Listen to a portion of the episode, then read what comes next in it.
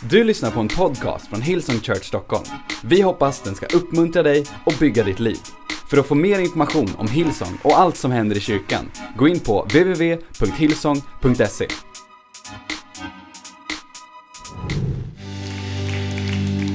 Fader, jag tackar dig för du har det namnet som är över alla andra namn, Herre Jesus. Herre, vi tackar dig för din nåd och för din godhet, Herre. Herre, vi tackar dig för att oavsett hur vi har kommit in hit idag, Herre Jesus, så är alla kända utav dig och alla älskade utav dig, Herre Jesus. Herre, jag ber, Herre, att i det ögonblicket när vi öppnar ditt ord, Herre, att du skulle tala liv in till var och en, Herre, oavsett hur vi har kommit hit idag, Herre, att vi skulle gå härifrån och känna att vi har fått smaka av ditt liv, Herre Jesus. På insidan, på varje, på varje, oavsett vad vi behöver, Herre Jesus. Herre, jag tackar i ditt namn Jesus så finns allt vad vi behöver. I Jesu namn. Och hela kyrkan sa? Amen, amen. Varsågod och sitt. Tack teamet. Tack teamet. Jag är lite andfådd. Jag var en sväng i norra mellan mötena och predikade. Och uh, ja, Johan heter min assistent. Han kör så långsamt så man fick köra själv. Mår ni bra? Nej. Mår ni bra? Underbart, tänkte vi det. City Campus 12, det absolut bästa mötet på hela dagen. Okej, okay, så vi är ett tema som heter Foundations. Vi har talat om det i tre veckor. Jag älskar det. Eh, vi drömmer om att göra stora saker för Gud. Men om man ska göra stora saker för Gud, som, som eh, både vad det gäller ens liv, kanske dina egna drömmar, och, uh, kanske om du har liksom, uh, en, en karriär du satsar på, eller ett äktenskap, eller vad det än är, eller för oss som kyrka. Så vi, vi, vi, lever ju i en värld där liksom det som syns är det som är värt någonting och därför så finns det ett sånt överfokus att så snabbt det går göra något som syns. All right? Det vi ser är att det är ganska ofta något som kommer upp väldigt snabbt kanske inte håller så länge därför att det fanns ingen foundation, det fanns ingen grund för det.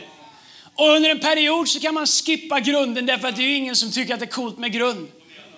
Jag älskar grund. Jag tycker om att bygga saker. Jag, jag, pratar, jag har pratat hela veckan för jag ska eventuellt bygga ett förråd. Liksom. Vilken grund? Det finns massa olika sätt att bygga grund på. Vi har torpargrund. Nu är det lite prickat jag ska bygga så jag måste greja lite där men, men för, för alla er som bygger. Men grund är liksom inget så här, har byggt hus?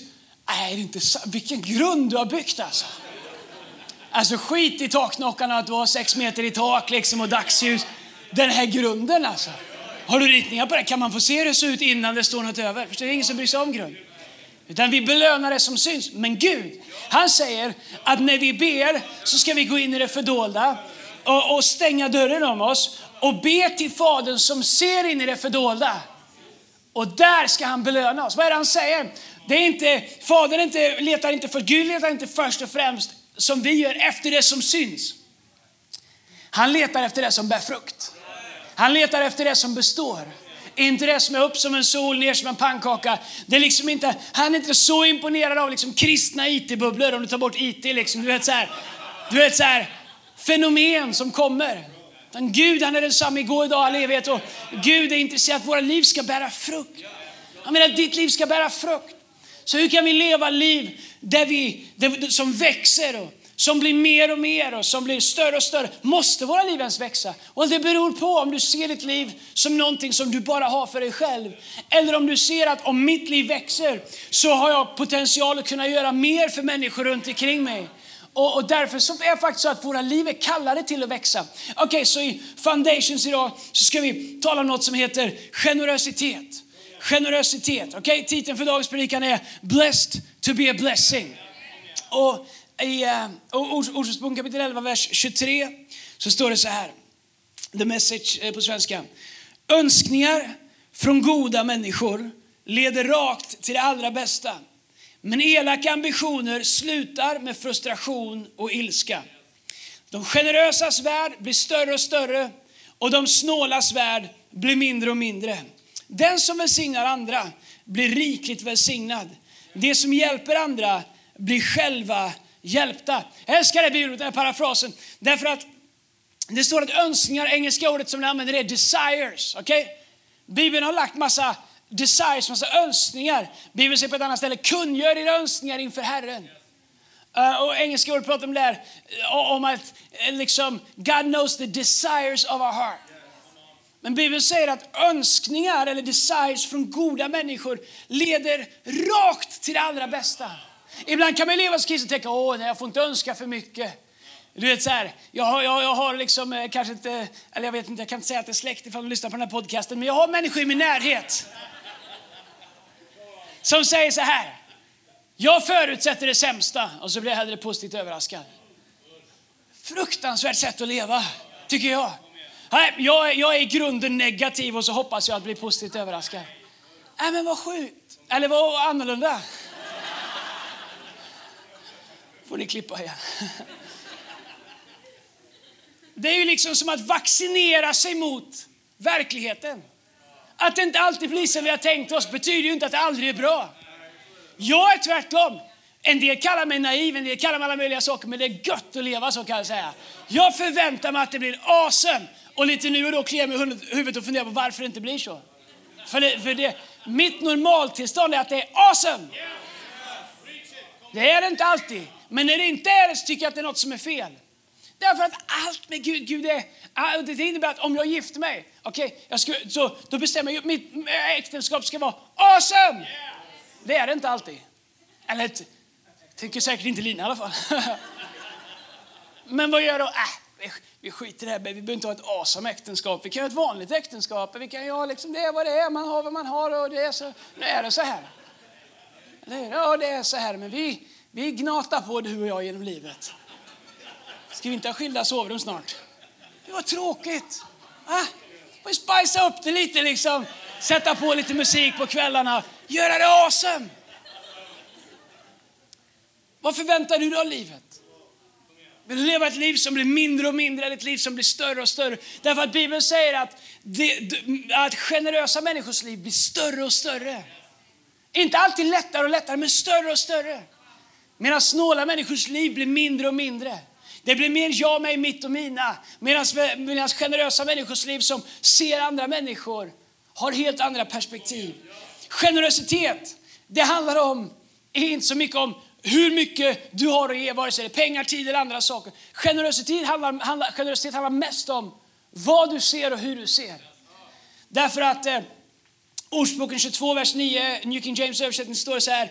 He who has a generous eye will be blessed. Den som har ett generöst öga vi kommer bli välsignad. Generositet handlar om hur vi ser på egentligen tre olika saker. Generositet går att bryta ner hur vi, tre olika, hur vi ser tre olika saker. Hur vi ser på Gud, hur vi ser på oss själva och hur vi ser på andra människor. All right, låt mig bara prata om det ett litet ögonblick. Om vad generositet bygger på. Att ha en generös syn på Gud är grundförutsättningen för att kunna leva ett, ett stort liv som är ett generöst liv. Om din bild av Gud är en Gud som längtar efter att straffa dig, som längtar efter att fånga dig och göra fel. Kanske har du vuxit upp liksom under väldigt hård lagisk miljö, kanske kristen miljö, eller, eller du har liksom levt nära kristna människor som inte fick göra det, som inte fick göra det. Och du tänker, om det var någon i min klass som aldrig hade en enda dag kul i hela sitt liv så var det de som gick i kyrkan. Kanske är det din bild av kristendom. Eller så har du vuxit upp liksom och hört undervisning som att liksom, du får inte bedröva den helige Ande, du får inte göra bort det nu. Har du mat på krigsfältets höjder ska du ge ditt liv och lägg ner ditt liv för Kristus. Och om du tänker en enda felaktig tanke, då är det över, tillbaks på ruta ett, börja om på gå. Du vet, så här, ingen gåpeng, ingenting. Och så lever vi till slut att det är knappt värt att försöka, för vi upptäcker vår egen liksom brist, vilket vi tror att den kan inte Gud vara nöjd med, så den kommer han inte att välsigna. Och så börjar vi definiera vår gudsbild utifrån vår egen brist utifrån vårt eget dåliga andliga självförtroende. Faktum är att om du bygger på det jag precis sa så bygger du på fel teologi. Därför att det är inte så som Bibeln säger att Gud är. Så hur du ser Gud kommer definiera hur du ser dig själv och det kommer definiera hur du ser andra människor. Så generositet bottnar i hur du ser Gud. Om du tror att Gud är en hård Gud som längtar efter att straffa dig så kommer du liksom alltid vara rädd för Gud. Jag har, jag, jag, jag har en hund som heter Spike. Det finns två saker som är konstant i mina predikningar. Det är en liten sväng om läxan och en liten sväng om Spike.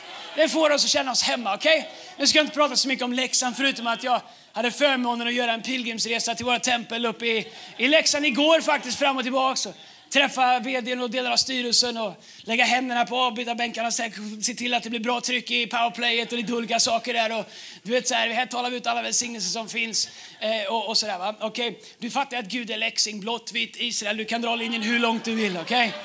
Okay? Fattar du? Och sen har, om jag ska säga något om min hund Spike, okej? Okay? Min hund Spike, han är enögd, han är en liten gatukorsning med alla möjliga raser i, sådär, men han är härlig, okej? Sen har jag min brorsa en annan hund, en jämthund, så en, en jakthund. Jag säger inte att jag jagar, men vi har en jakthund. Okay? Och, eh, och, och, och, den hunden heter Ticka. Okay? Döpt efter en bössa. Men hon heter Ticka. det var det. Ticka, okej. Okay. Ticka är tre år. Om du kommer hem eh, och liksom Ticka har käkat upp en sko eller hon har varit liksom kommit upp i kakburk eller någonting. Du behöver bara gå in där så kommer Ticka liksom hela hennes, hon kommer sjunka ihop så här. Hon kommer gå ut med väggen och kommer bli så nervös och kissa på sig innan du ens har sagt någonting. Om tre år, vad är det med henne liksom? Man går, sjunker ihop, hela kroppsspråket är liksom, det var jag, det var jag, sorry, jag vet bättre, jag borde inte ha gjort det. Stryker iväg ut med väggen och släpper en liten pöl där, okej? Okay? Spike, min hund, han, han, han har inga sådana problem alls. Överhuvudtaget. Han har den mest grandiosa självbild som finns i hela världen. Han får varenda diktator som har funnits och framstå som, som löjlig. Spike väger 5,5 kilo. Han har det mest liksom självsäkra, grandiosa. Han tror att hela världen finns till för honom. När han ser mig spelar det ingen roll vilka akterskor han har käkat upp. Han tar för givet att nu är jag lika glad som han är att jag är hemma. Han kommer komma med sitt ena öga så här och du vet, hoppa och studsa och greja av sig. Han har noll problem med dåligt samvete, noll problem med fördömelse, noll problem med det. Han kommer jätteglad. Och jag inser att de flesta människor kommer till Gud, kanske ena eller andra, eller kanske mittemellan. Men vet du vad? När du tänker på Gud, när du tänker på att komma till kyrkan, när du tänker på att gå till en connect-grupp, det vi kallar våra cellgrupper. När du tänker på att vara med i ett team, när du tänker på dig själv som kunna tjäna Gud eller kunna göra saker för Gud. Vad tänker du på? Tänker du på felen du precis har gjort? Felen som diskvalificerar dig, lagen du har brutit. Får det ditt huvud att sjunka ihop och tänka, nej jag kan inte, Gud är inte nöjd med mig, nu kommer jag få skäll. Thank you. Eller kommer du, kommer du göra en spike? Kommer du säga, jag glömmer det som ligger bakom mig.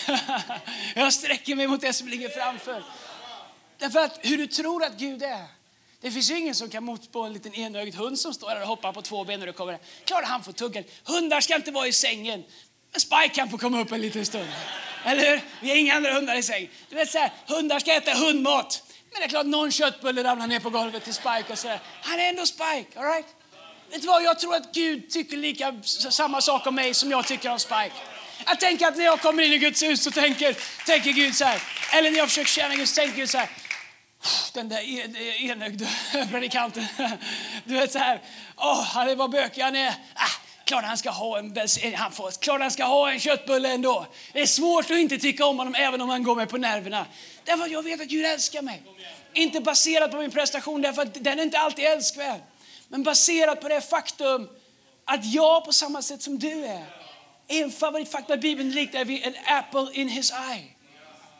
Gud älskar dig förbehållningslöst. Om du är här som inte känner Gud så varmt välkommen. Du måste inte tro på Gud för att komma hit och du måste inte tycka eller tänka som oss för att komma hit. Vi brukar säga att you don't have to behave to belong. Du får göra precis som du vill. Men vet du vad, jag vill att du ska veta att även om du inte ens tror på Gud så älskar Gud dig exakt lika mycket som han älskar mig. Faktum är att han älskar exakt lika mycket som han älskar sin egen son Jesus. Och det får du göra vad du vill med. Du får förhålla dig till det, du får stöta bort det, du kan utforska det eller göra vad du vill. Men ingen av er här inne behöver vinna Guds kärlek. För att Gud är generös. Och hur vi ser Gud kommer definiera hur vi ser oss själva. Först i Johannes kapitel 4, vers 18 så står det, rädsla finns inte i kärleken. Utan den fullkomliga kärleken driver ut rädslan. Rädslan hör ju samman med straff, okej? Okay? Att Gud skulle vilja straffa oss hela tiden. Och den som är rädd är inte fullkomnad i kärlek. kärleken. Vi älskar därför att han först har älskat oss. Det betyder att innan vi bestämde oss för vad vi ska göra med Gud, eller bestämmer oss för vad vi ska göra med Gud, så har han bestämt sig för vad han ska göra med oss. Älska oss, sända sin son för oss, öppna sin famn för oss, skapa en ny och levande väg för oss att leva i relation med vår egen skapare och han som är grunden i universum. Och när du får en rätt bild av Gud så säger Bibeln att vi kan komma frimodigt. Första Johannes talar om att om inte våra hjärtan fördömer oss så kan vi frimodigt komma inför Gud. Hur kan vi komma inför Gud frimodigt utan att våra hjärtan fördömer oss? Ja, inte genom att titta på våra liv. Men bara genom att titta på Gud och förstå vem Gud är och hur vi kan relatera till en kärleksfull fader. Okej? Okay? All right. Eh, så en generös syn på Gud, generositet handlar om en generös syn på Gud. Det andra är en generös syn på sig själv. Kolla här, välkänt bibelställe om du har läst Bibeln några gånger. Romarbrevet 5 och 8 så står det, 5 8. Men Gud bevisar sin kärlek till oss genom att Kristus dog för oss medan vi ännu var syndare. Och det går in lite på det vi pratade om tidigare. Men Gud, han tar bevisbördan på sig själv och säger, låt mig bevisa min generositet först. Innan vi börjar prata om generositet. Låt mig bevisa hur min hållning till er är först innan du behöver liksom förhålla dig till mig. Så medan vi ännu är syndare, vad innebär det att vara en syndare? Och synd det handlar ytterst sett om vad du gör med Jesus. Innan någon av oss bestämde oss för vad vi skulle göra med Jesus så bevisar Gud sin kärlek genom att sända Jesus till oss. Så Gud är i grunden generös. Det innebär att Gud tror på oss innan vi ens tror på oss själva. Att Gud ser gott i oss och ser potential och ser värde i oss. Kanske till och med där vi inte ens är värde själva. Eller definitivt där vi inte ser värde själva. Gud ser så oerhört mycket mer i dig än vad du ser i dig själv. Och när du börjar se Gud rätt så kommer du också börja se dig själv rätt. Du kommer börja se vad din riktiga identitet i Kristus är.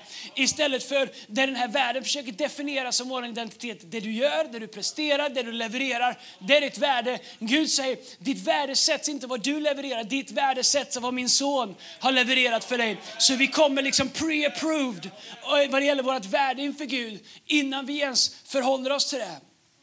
Du behöver inte vinna Guds kärlek. Men du och jag, vi kommer vara tvungna att bestämma oss för vilket utrymme och vilken effekt hans kärlek ska få i våra liv. Vi kommer vara tvungna att förhålla oss till det, vi kommer vara tvungna att göra någonting med det. Och när vi bejakar Guds kärlek i våra liv, Guds generositet i våra liv, så kommer effekten av det vara eh, generositet. Om du ser en människa, liksom om, om, om, du träffar mig och jag inte är generös, det, det bottnar på att jag, jag känner egentligen inte Gud. Jag kan tro på honom, jag kan vara döpt till honom, jag kan sjunga till honom, jag kan offra till honom. Men jag känner inte vem Gud verkligen är. Om jag inte i grunden är generös. Det är därför Bibeln säger att de generösas värld blir större och större. Därför att vi, vi blir mer lika Gud. Okay? Så en generös syn på Gud, en generös syn på oss själva. En generös syn på andra. Det är omöjligt att vara generös mot andra och dömande mot sig själv i längden.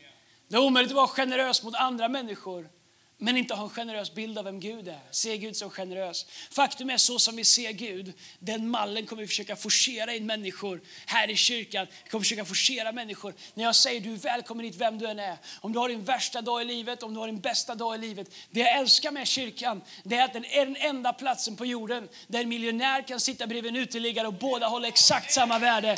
Det ögonblick du går över tröskeln till Vasateatern så blir allas värde equal. Här inne definieras inte din prestation person som grundläggande för det värde som du har. Inte ens vad du skulle kunna göra för kyrkan. Utan Gud definieras, definierar allas värde samtidigt när Jesus ger sitt liv för hela mänskligheten, för alla människor. Ditt värde är samma som alla andras oavsett vad du tycker att din prestation är. Jag vet att det är svårt att få sitt huvud runt omkring och jag har inte så mycket tid att prata om det som jag skulle vilja. Men lyssna här. När du, Gud vill att du ska vara med i en kyrka. Bibeln säger i psalm 92, vers 13 att den som är planterad i Guds hus kommer alltid att blomstra. Det är därför att det är här du upptäcker ditt verkliga värde. Bibeln säger i Efesierbrevet kapitel 1, vers 12 i the message. It's in Christ we find out who we are and what we're living for. Hur är vi i Kristus? Vi tar emot honom, vi följer honom, vi döper oss till honom och vi planterar oss i hans kropp i en lokalförsamling. Det är där du upptäcker vem du är.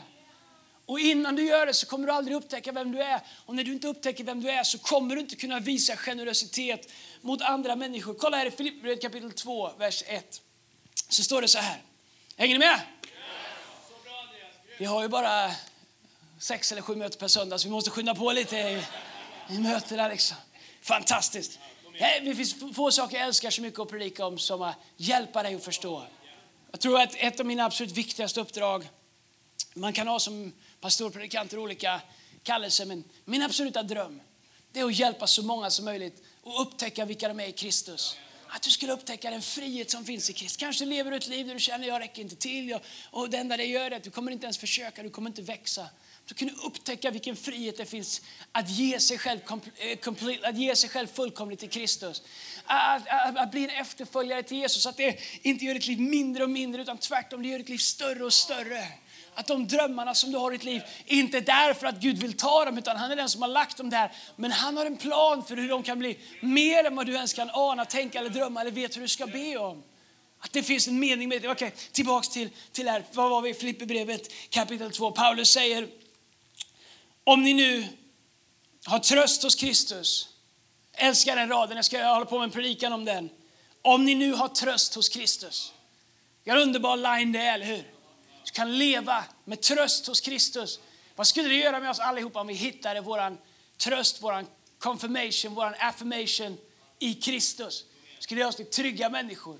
Människor som kan stå stadigt i Kristus med vetskapen om sitt värde och som kan dra ifrån den helige Ande. Okej, okay, en annan möte. Okej, okay. om ni nu har tröst hos Kristus, så funkar det i mitt huvud. Det var en av tre predikningar som pågår samtidigt.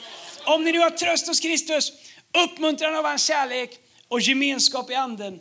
Om medkänsla och barmhärtighet betyder något, gör då min glädje fullkomlig genom att ha samma sinnelag och samma kärlek och genom att vara ett i själ och sinne.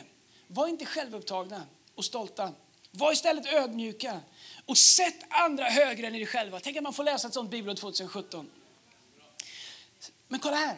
Se inte på ett eget bästa, utan tänk på andras. Var så till sinnes som Kristus Jesus var. Så vad betyder det här? Jag får inte ha en plan för mitt liv, jag får inte tänka på mig själv, jag får inte göra någonting. Det är inte det Gud säger.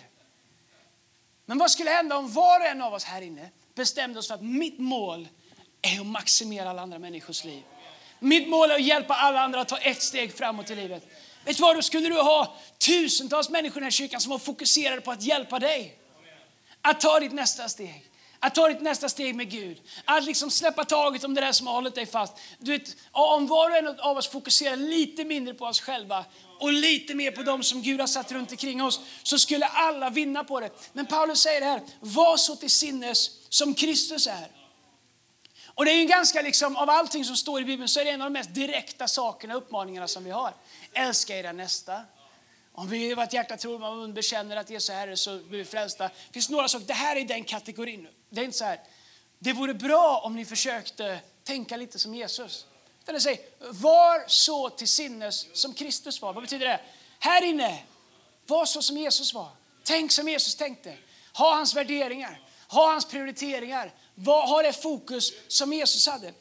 Och då kan man ju fråga sig vad var det för fokus som han hade. Paulus uppmanar oss att inte fokusera så mycket på oss själva, vilket är helt emot den värld vi lever i. Man tänker liksom, jag, jag, jag måste ju hänga med i racet här. Eller hur? Om jag bara får säga till alla här som är i vår kyrka, ni andra, ni kan bara få den som bonus. En välsignelse för med sig en väldigt stor förpliktelse. När vi startade den här kyrkan då, då hade vi ingenting, jag och Lina, vi hade ingenting. Jag ska säga något om det senare. Vi levde verkligen liksom så från hand till mun. Liksom. Du vet, så här, det som kom i handen. Vi levde vecka för vecka, dag för dag, månad för månad i tro på Gud. Och tack gode Gud att livet går framåt och Gud har välsignat oss och nu kan vi få lön. Då hade vi ingen lön och olika saker. Men vet du vad?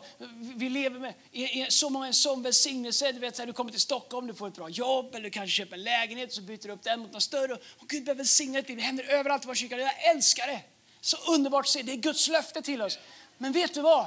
Det finns någonting som, och hoppas jag trampar på någon tå nu, det är alltid kul att få trampa på någon tå varje predikan.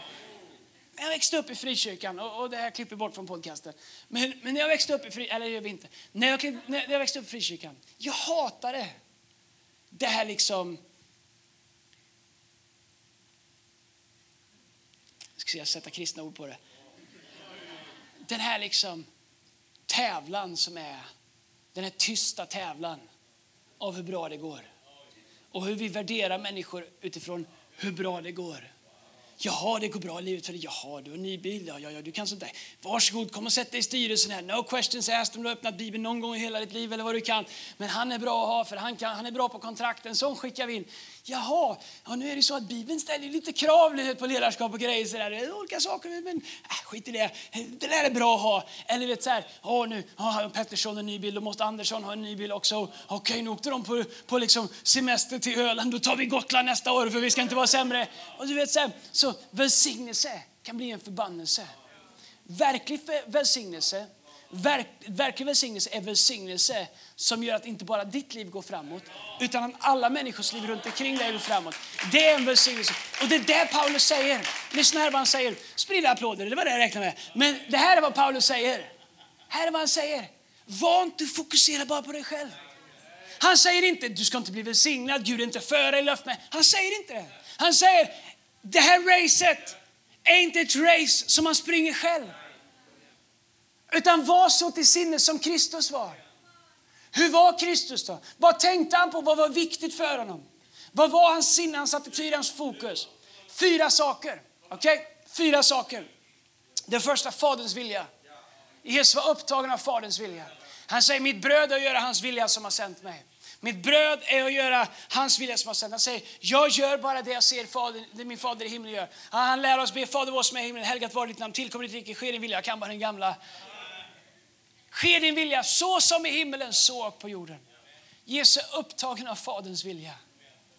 När han får erbjudande, lukrativa erbjudanden om att alliera sig med, med, med, olika sorters präster eller falanger och istället för att vara i Sackeus hus så väljer han bort det för att han är kalibrerad mot Faderns vilja. Vet du vad Faderns vilja är för ditt liv? Fyller det våra sinnen, Faderns vilja? Oh, tänk om jag blir missionär i Afrika? Det kommer du inte bli. Risken är marginell. Och om du absolut inte vill bli det så kan vi säkert förhandla med Gud. Boka en tid. Det är ingen fara, Gud kommer liksom inte göra våld på dig. Han kommer arbeta med det han har lagt inom dig, dina naturliga desires. Det är det vi läste innan, att, att de godas önskningar, vad sa vi? De godas önskningar från goda människor leder rakt till det allra bästa. Jag predikar från iPad, alltså det är inte från Jesus. Det är inte Faderns vilja. Så Jesus är upptagen av Faderns vilja. Det andra han är upptagen av är de förlorade. Vad är de förlorade? Det är de som ännu inte känner till frälsningen, de som inte känner till förlåtelsen, de som inte känner till att de kan kasta av sig den ryggsäck som livet har lagt på dem och få en ny start i livet. Han pratar om det i Lukas 15, han säger att han lämnar, han liknar oss vid får, han lämnar 99 räddade får och ger sig ut för att leta efter ett får som har gått vilse. Han talar om en förlorad son, en förlorad mynt, en liknelse i Lukas 15, du kan läsa när du kommer hem. Jesus var upptagen av de förlorade, han var upptagen av att möta dem. Han gick omvägar i Samarien för att hitta en kvinna vid en brunn som var vilse i livet, förlorad i livet, för att ge henne mer mening och syfte och sätta hennes liv i, i kontext och i ett purpose. Han var upptagen av de förlorade. Vad det tredje han var upptagen av, hans fokus, Kristi sinne. Men de är människor med behov, de är behov. Hela tiden, fast han var i tre år. Han har tre år på sig att göra hela sin Messiah Magic. Tre år, tre och ett halvt år. Ingen vet exakt, men ungefär. Han spenderar 30 år på, på, på, på, på liksom, eh, utan att göra Messiah-grejerna. Och sen tre och ett halvt år på att göra det som vi fortfarande bygger. Liksom. Vi, ställer klockan efter, vi räknar kalendrar efter det, vi, vi predikar om vi gör alla möjliga saker. Tre år, okej. Okay. På de tre åren, tänk att vi har, vi har tre år på vi ska starta en kyrka, vi har tre år på oss. I Jesu sanna tid att stanna till vid Bartolomeus. Fast lärjungarna som liksom precis har varit hos managementkonsulter och lärt sig hur ska vi maximera vår tid. Hur ska vi kunna rationalisera den här Messiah-grejen så vi hinner lite här nu på tre år. Så de säger till Bartolomeus, eller förlåt, ja, Bartolomeus, de säger hej, dig, det, det, det rationaliserar vi bort, det har vi inte tid med. Jesus han gör bara stora saker. Han målar med de grova penseldragen för han har bara tre år på sig att göra det här. Så precis som våra managementkonsulter har lärt oss, det där rationaliserar vi bort. Och så Jesus går och ställer det på muren där och ropar så alla alla hör vad du säger. Det är liksom bang for the buck Jesus om du går upp och ställer dig där uppe. Inte hålla på med de här perifera människorna. Det är liksom, det, det, it doesn't add up. Medan Jesus är helt tvärtom. För han är upptagen av människors behov.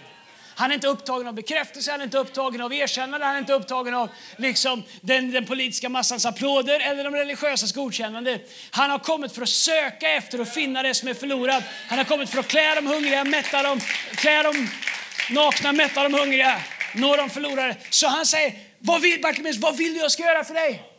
Istället för att gå och hänga med prästerna så står de skitsura och är lacka för att han gick hem till Sackeus.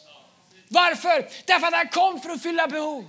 Han kom för att, för att nå de förlorade. Hans sinne var upptaget av det. Så om du är en efterföljare till Jesus, oavsett vad du gör, du kan vara tandläkare, du kan jobba på Kronofogden, du kan jobba på vart du vill. Men ditt sinne kan ändå vara Kristi sinne. Vad är Faderns vilja med mitt liv? Vilka människor runt omkring mig har jag? som är förlorade i det att de inte känner hans kärlek? Vilka behov finns det runt omkring mig som jag kan möta idag i min vardag? Det är Kristi sinne. Vad är det fjärde Jesus var upptagen av? Jesus var upptagen av eh, att mobilisera sin kropp, sin kyrka till att göra de första tre sakerna som fyllde hans sinne. Han spenderar tid med det i slutet. Han, han har med sig lärjungar, han tränar dem liksom i realtid, han drar dem med sig. Han är på väg upp med Petrus varenda vecka, men han tragglar och tragglar och tragglar med honom. Han tar med honom Johannes och allihopa. Judas går det sådär, men de andra klarar sig hyfsat. Därför att han är, mot, han är liksom fokuserad på att starta igång det här som kallas för församling, starta igång, liksom lämna över batongen till oss. Han är fokuserad på det. Och han är tydlig med att han har ingen B-plan. Kyrkan, församlingen, han säger i Facebook kapitel 1, vers 23, the message. The church is Christ's body in which he acts and speaks and by which he fills everything with his presence. Kyrkan är Kristi kropp genom vilken han talar och agerar och fyller allting med sin närvaro. Så vi är hans händer, hans fötter, vi är hans ögon, vi är hans hjärtan, vi är hans, vi är hans compassion, vi är all, kroppen är det. Och det är därför som jag förstår varför liksom, om jag vore jävel skulle jag också, säga äh, det är inte så viktigt att vara planterad i en kyrka. Det är väl bara att gå och besöka, äta lite här, äta lite där. Därför att man har liksom bänkat sig själv man har liksom tagit sig själv upp på läktaren istället för att vara en del av det som Jesus faktiskt var uppfylld av att starta. Nämligen vi, kyrkan, som han säger, är, han liknar oss vid hans kropp. Han säger, jag är huvudet, ni är kroppen.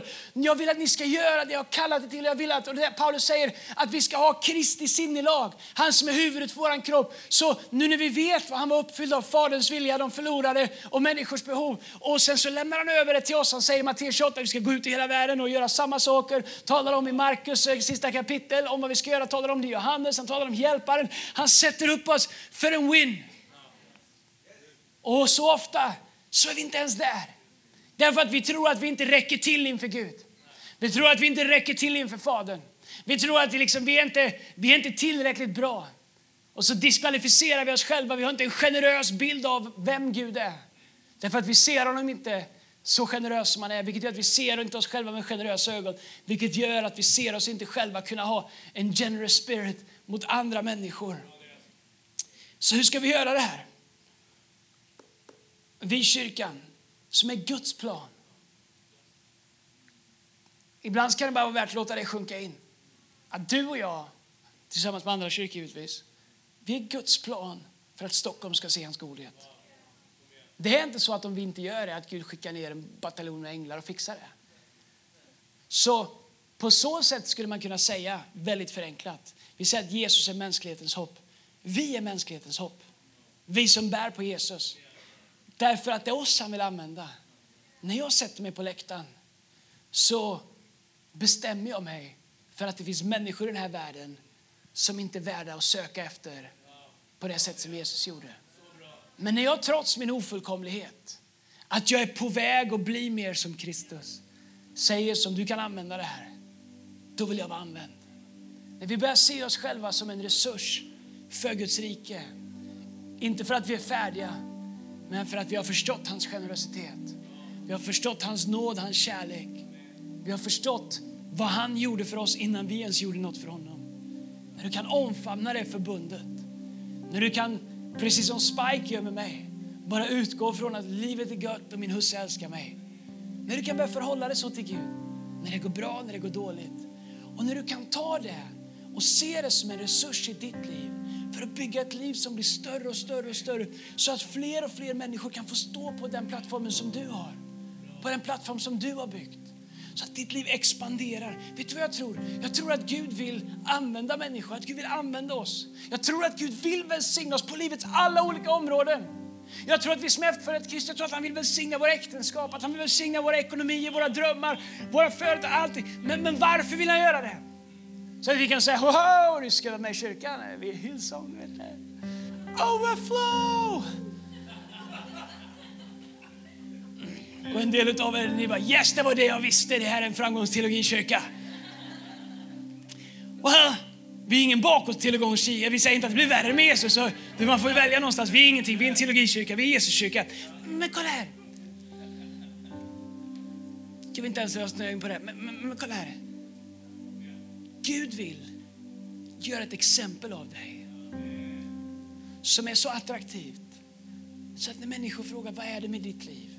Matteus kapitel 5, vers 13, det står att vi är här för att vara ljus. Message säger, you're here to be light, bringing out the God colors of this world.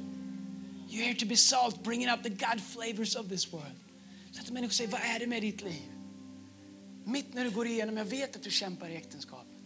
Ändå så bara är det något med ditt liv som är attraktivt. Mitt när vårt företag varslar om att många kanske ska bli uppsagda och ingen av oss vet vilka det är så har du en frid som gör att du bryr dig om andra människor. Medan de flesta av oss är rädda för vad som ska hända med oss. Så bryr dig om andra människor. Vad är det du har? Gud vill välsigna dig. Varför är du alltid den som bjuder på lunch? Varför är du alltid den som, bjuder, som, som tar notan när vi fikar? Varför är du så generös? Låt mig berätta om en generositet som jag har upplevt. Som är större än den notan som jag betalar. Han heter Gud. Och när jag inte kunde lyfta av min egen börda så tog han min börda. Och visade mig villkorslös kärlek. Ingen tjänar på att du krymper. Ingen tjänar på falsk kristen ödmjukhet. Oh, jag är ingenting, jag har ingenting. Det mest kristna det är att sälja allt och inte ha någonting och bo i en hydda, bo i ett tält och sjunga Nobody knows the sorrows we have. Och, och du vet så här, oh, då ser människor att vi lider för Kristus. Och vem vill ha ditt liv? Bjud in Jesus, bli som mig. Jesus tack, men aldrig livet dig. Men tänk om det är tvärtom. Att Gud kan välsigna människor som man vet, om jag välsignar den här personen så kommer det inte stanna där. Utan det, it's a gift that keeps on giving. Därför att vi förstår att we're blessed to be a blessing. Vi, vi, vi är välsignade för att vara till välsignelse. Ju mer Gud öser in i våra liv, ju mer öser vi ut till människor runt omkring oss. Ju mer Gud liksom fyller upp våran bägare, så den flödar över, ju mer flödar över till människor runt omkring. När du förstår varför så blir välsignelse någonting som du kan längta efter. Därför du säger Gud, jag har så mycket behov i min vardag. Jag behöver mer resurser. Vi som kyrka, du vet, så här, en del säger det här med, ska vi inte liksom sluta ta upp kollekt i kyrkan? Det är inte så sökarvänligt. Vad sökarvänligt? Det bryr sig inte människor om som inte har mat för dagen om vi tycker att det är sökarvänligt. Om vi inte har några resurser så kan vi inte hjälpa människor. Om vi inte har någonting i Guds hus, om det inte finns välsignelse så kan vi inte hjälpa. Bibeln säger, vad hjälper det om du säger till den fattiga liksom, eller till den hungriga, gå och ät dig mätt och klä dig varmt. Om vi sen inte gör någonting. När vi ser den här världen som Gud har kallat oss till och vi tittar på alla behov. Om vi, om vi inte har någonting så kan vi inte göra någonting. Om vi har lite kan vi göra lite, men om vi är ett hus fullt av resurser Därför att det är människor som förstår att min välsignelse is a blessing to be a blessing. Då kan vi börja möta människors behov. Och kanske är det så att på samma sätt som medan vi ännu var syndare så förlät Gud oss och visade han sin kärlek till oss. Att innan människor ens frågar efter Jesus så kan vi visa vår kärlek, vår generositet till dem. Så att de på samma sätt som vi gjorde till Jesus ställer frågan, vad är det i ditt liv som gör att du har en sån omtanke? Var kommer den här generositeten ifrån? Var kommer den här, det här inkluderandet ifrån? Det är drömmen med vår kyrka, att du ska kunna komma in hit vilken dag i livet som helst. Det här är en generös plats. Har du fallit upp med det igen, vi håller under armarna. Du är inte ett failure bara för att du misslyckas. Du är inget misslyckande för att du misslyckas. Allihopa av oss gör det. Det här är en generös plats där du får starta om igen och igen och igen. Om du är här idag så jag vet inte ens om jag tror på något av det här. Du är lika välkommen du. Du får göra en egen resa. Du behöver inte bli som oss, du behöver inte skärpa dig, du behöver inte bli någonting. Var dig själv. Vi är bara tacksamma att du är här. För Gud älskar dig, han har en plan för dig. Men du får upptäcka den själv. Och under din resa så är du välkommen. Du är lika välkommen som du säger, jag tänker inte ge något till kollekten. Kalas, det är inga problem alls. Du måste inte ge någonting eller bli någonting för att komma hit. Men Ah, ah, alla, alla som vill. Vad skulle hända om vårt hus var det mest generösa huset vad det gäller att se det goda i människor, vad det gäller att se guldet i människor, vad det gäller att dela med oss av det som Gud har gett in i våra liv, inte utav skuld eller utan någon slags, vet, så här, alla ska ha lika. Jag pratar inte om socialism, jag talar om något som är mycket, mycket bättre. Eller vad jag, jag talar inte om politik alls, men jag pratar om att, att ge oreserverat till människors behov därför att jag vet att jag har en Gud som alltid fyller mina egna behov. I Jesu namn. Kom on, ska vi stå upp tillsammans? Jag ska be en bön.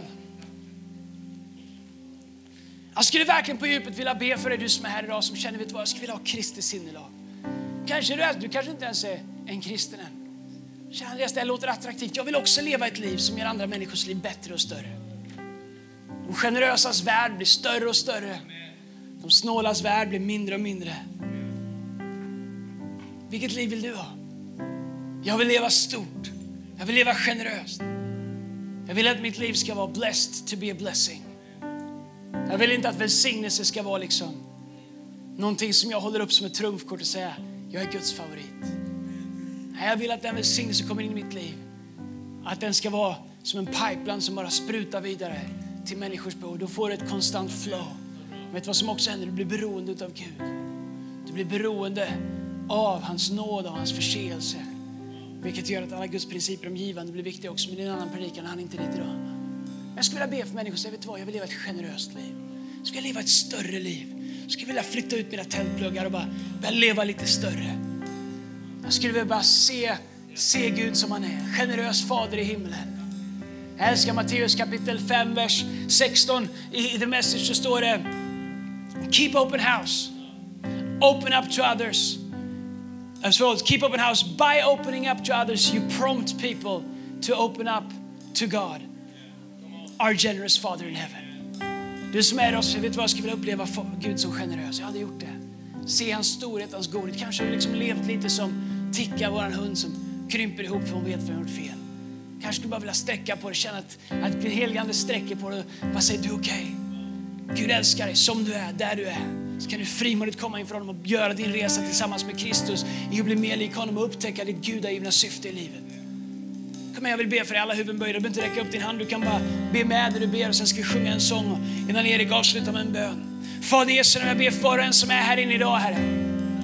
Herre, jag tackar dig för att de planer och de tankar du har för var och en här inne är så mycket större än våra egna planer och tankar, Herre. Herre, jag ber i Jesu Kristi Nazarens namn att alla här inne skulle få en rätt bild av dig, Herre.